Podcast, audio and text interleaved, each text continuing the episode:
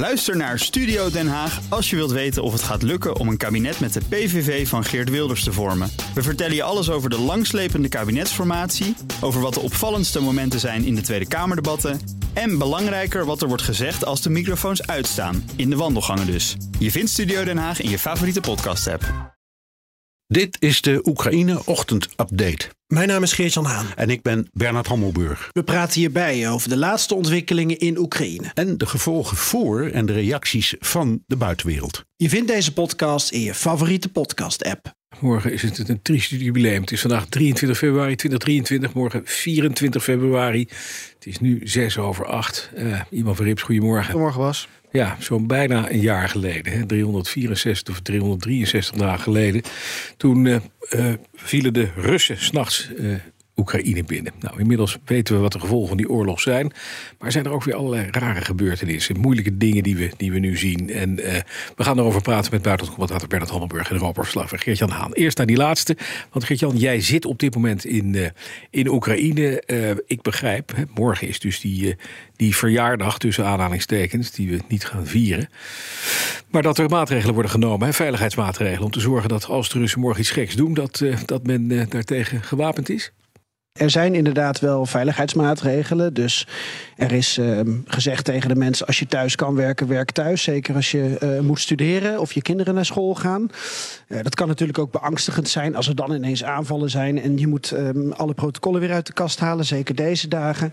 Enkele medische voorzieningen. Daarvan is gezegd tegen het personeel: werk maar thuis als dat kan. Bijvoorbeeld administratief personeel. verder geen veranderingen in de avondklok. En mijn eerste observatie toen ik vanochtend aankwam in in Kiev met de trein, is dat er gewoon een ochtendspits in de metro was. Hm. In ieder geval in de metro waar ik zat, uh, daar was het hutje-mutje. Uh, nu kan het nog drukker zijn, maar het is niet zo dat iedereen nu uh, thuis achter de geranium zit. Ja, ja nee, dat blijkt. Bernard, aan de andere kant, we zien ook dat de Russen zich verder opmaken. Die zijn met dat voorjaarsoffensief wel begonnen. Ik had daar gisteren Marten Kruijver aan de lijn. Die zei, nou eigenlijk is het niet een voorjaarsoffensief. Ze hebben gewoon een probleem, want ze kunnen hun, hun spullen niet op tijd op de goede plek krijgen. Dat is wel lastig. Ze zijn ingegraven. Die gemobiliseerde troepen die komen er wel aan. Uh, anderzijds worden ook beschoten met HIMARS uh, systemen... om te zorgen dat hun uh, supply lines worden, worden beschadigd. Maar verwacht jij iets morgen? Ik, ik, ik durf het echt niet te voorspellen, maar het zou me niet verbazen. Het kan ook, ook iets um, zijn waar we nu niet zo snel naar kijken. Bijvoorbeeld het nieuws van de laatste uren is de mhm. toenemende spanning uh, om Moldavië.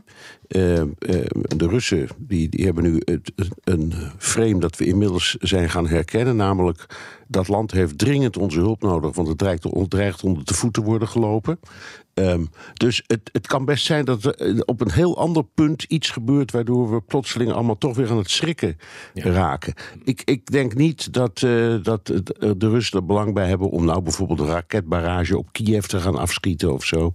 Um, ze melden overigens op in het front wel een kleine vooruitgang... maar de Oekraïners zeggen weer ja, dat was wel maar zo... maar we, we hebben ze weer teruggedrongen. Ik weet het gewoon niet. La, laten, we, laten we hopen dat dat niet hm. gebeurt. Ondertussen op het internationale vlak gebeurt er van alles. Hè. Uh, uh, eerst eventjes naar Wang Yi en Poetin. Die bij elkaar kwamen. Die zeiden we zijn dikke vrienden. Het gaat ons hartstikke goed. Uh, in de aanloop daar naar dat gesprek heeft Wang Yi gezegd... we gaan kijken of we niet over vrede kunnen gaan praten. Maar als je dit zo hoort, er is een economisch belang van de Chinezen die nu vrijwel gratis, of vrijwel gratis, die krijgen energie. En dat is belangrijk voor Poetin, want die spekt daarmee de staatskas. In hoeverre moeten we ons zorgen maken over die, uh, die wat vriendelijke uh, woorden die beide partijen tegen elkaar spreken? Ja, dat, dat is zorgelijk. En, en het, het neemt, zoals een van de persbureaus schreef, ik geloof Reuters, steeds meer de illusie weg van uh, een neutraal China. Hm. Um, dat is weer belangrijk, want er, is een zitting van de Algemene Vergadering van de Verenigde Naties. Hè, er wordt weer gestemd over een mhm. resolutie. Dus dat speelt dan mee. Um, Oekraïne uh, reageerde, vind ik wel verstandig. Die zeiden: Wij hebben niks van ze gehoord. Uh, van de Chinezen. Als ze een vredes... Maar als ze een vredesplan hebben, zijn we altijd geïnteresseerd. Ja, kom op. Dat, vond ik, dat vond ik nog diplomatiek een hele slimme zet. Ja, ja. Eh, inderdaad, eventjes over die VN-veiligheidsraad bijeenkomst. Want jij sprak daar over uh, minister Wopke Hoekstra. Vanmiddag horen we dat in BNR De Wereld, heel live. Maar even een klein stukje. Wij zijn richting vrijdag weer bezig met zo'n resolutie. En, en uh, kijk, de, daar, daar, daar zijn de voortekenen zijn dat we toch om en nabij dat, dat, datzelfde aantal gaan uitkomen. Ehm, eh, het zou iets meer kunnen zijn, het zou ook iets minder kunnen zijn, maar ik verwacht dat dat ongeveer in die orde grootte zich zal afspelen. Ja, dat is dus het aantal leden van de Verenigde Naties die zich achter een resolutie scharen. Het waren, meen ik, vorige keer 143, Bernard. Maar Ja. ja, het andere verhaal is wel, eh, resolutie na resolutie, heeft het überhaupt zin? Ehm, ja, het heeft zin. eh, omdat eh, je bereikt er niet echt heel veel mee. Nee. En het is niet als een resolutie in de Veiligheidsraad, hè, want die heeft de kracht van wet. Precies. Dus daar moeten landen zich aan houden. Dat geldt bij de Algemene Vergadering niet. Maar het is wel belangrijk om eh, de pijlstok in de wereld te steken af en toe. En te kijken hoe iedereen hierover denkt. Ja. En Hoekstra houdt een beetje een slag om de arm. Maar dat is niet voor niets. Want vorige keer hebben ze die 300, 143 landen gehad. Maar toen zei hij zelf destijds, ehm, ook tegen ons bij BNR... we moeten wel even kijken wie er dan zich hebben onthouden. Want in landoppervlakte en aantal mensen is wie zich hebben onthouden of tegen hebben gestemd... groter, Groter. dan die 143 die hebben voorgestemd. Mijn indruk is dat het beste zou kunnen tegenvallen... en dat er nog wat minder landen meestemmen. Meestemmen. Niettemin, het blijft belangrijk dat de internationale gemeenschap zegt... we hebben één gremium waar we met elkaar overleggen en dat is de VN. En we, we blijven gewoon hameren op onrecht dat er gebeurt... en kijken of we medestanders kunnen krijgen. Ja, nou, verder hebben we natuurlijk ook nog Brussel. Vlak dat niet uit, de Europese Unie. Geert-Jan, je bent Europa-verslaggever, hoewel nu in, eh, in Oekraïne. Maar is er al een akkoord over mogelijke nieuwe sancties tegen de Russen vanuit Brussel? Ja, er wordt hard aan gewerkt, maar dat zou dan morgen symbolisch gepresenteerd moeten worden. Het tiende sanctiepakket. En tegelijkertijd het bericht eh, dat, dat eh, Europa heel hard eh, ja, haar best doet om te kijken of ze de munitieproductie kunnen opschalen. Ja. Estland doet een voorstel. De, premier, nee, de president van Estland is hier volgens mij gisteren geweest in Kiev. En die zei: ja, we moeten van wat is het? 230.000 eh, kogels in het jaar die Europese munitiefabrikanten ehm, eh, moeten we naar 2 miljoen in het jaar. En eh, ze hebben vooral een voorstel gedaan op financieel vlak om te kijken van eh, ja, welke potjes kun je daarvoor opentrekken. Omdat de wapenindustrie, daar kun je niet zomaar elk financieel potje daarvoor aanspreken. Eh, Estland doet een voorstel vanuit het budget van de European Peace Facility. Nou, of dat uiteindelijk gaat gebeuren, dat weten we niet. In Europa wordt alles natuurlijk goed overlegd. Maar goed, er wordt in ieder geval over nagedacht. Ja, dat is duidelijk. Da- dat is wel, wel cruciaal. Hè? Willen we die oorlog, willen de Oekraïners die oorlog uiteindelijk eh, gaan, gaan winnen?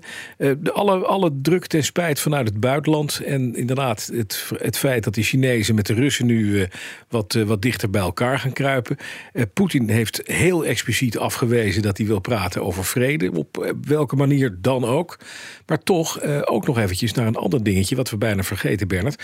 Deze week zegde tijdelijk in ieder geval Poetin het startverdrag, het nucleair verdrag op met Amerika. En nu zegt zijn onderminister, nou, hoef niet bang te zijn voor een kernoorlog. Toch, daar heeft Poetin mee gedreigd. En Ja, eh, maar dit was toch verstandig. En Biden heeft dat meteen opgepakt door ook op die manier te reageren. Die zei: Het is ontzettend jammer, het is ook dom dat ze dat doen. Ehm, maar dit is niet de inzet voor een kernoorlog. Technisch gezien klopt dat ook, want dit verdrag gaat niet over eh, hoe je oorlog voert. Dit verdrag gaat erover hoe je de, de aantallen van die eh, intercontinentale ballistische raketten onder controle krijgt en houdt. En hoe je die, dat is eigenlijk de strekking van het verdrag, op den duur dat arsenaal aan weerskanten afbreekt. Onder elkaars toezicht. Eh, dus als dat proces stopt, maar niet voor, de, voor, voor, voor goed, dat zegt Poetin ook, maar gewoon wordt opgeschort. Ja, dan gebeurt er gewoon even niks. Maar het betekent niet dat iemand daardoor op de knop zou drukken.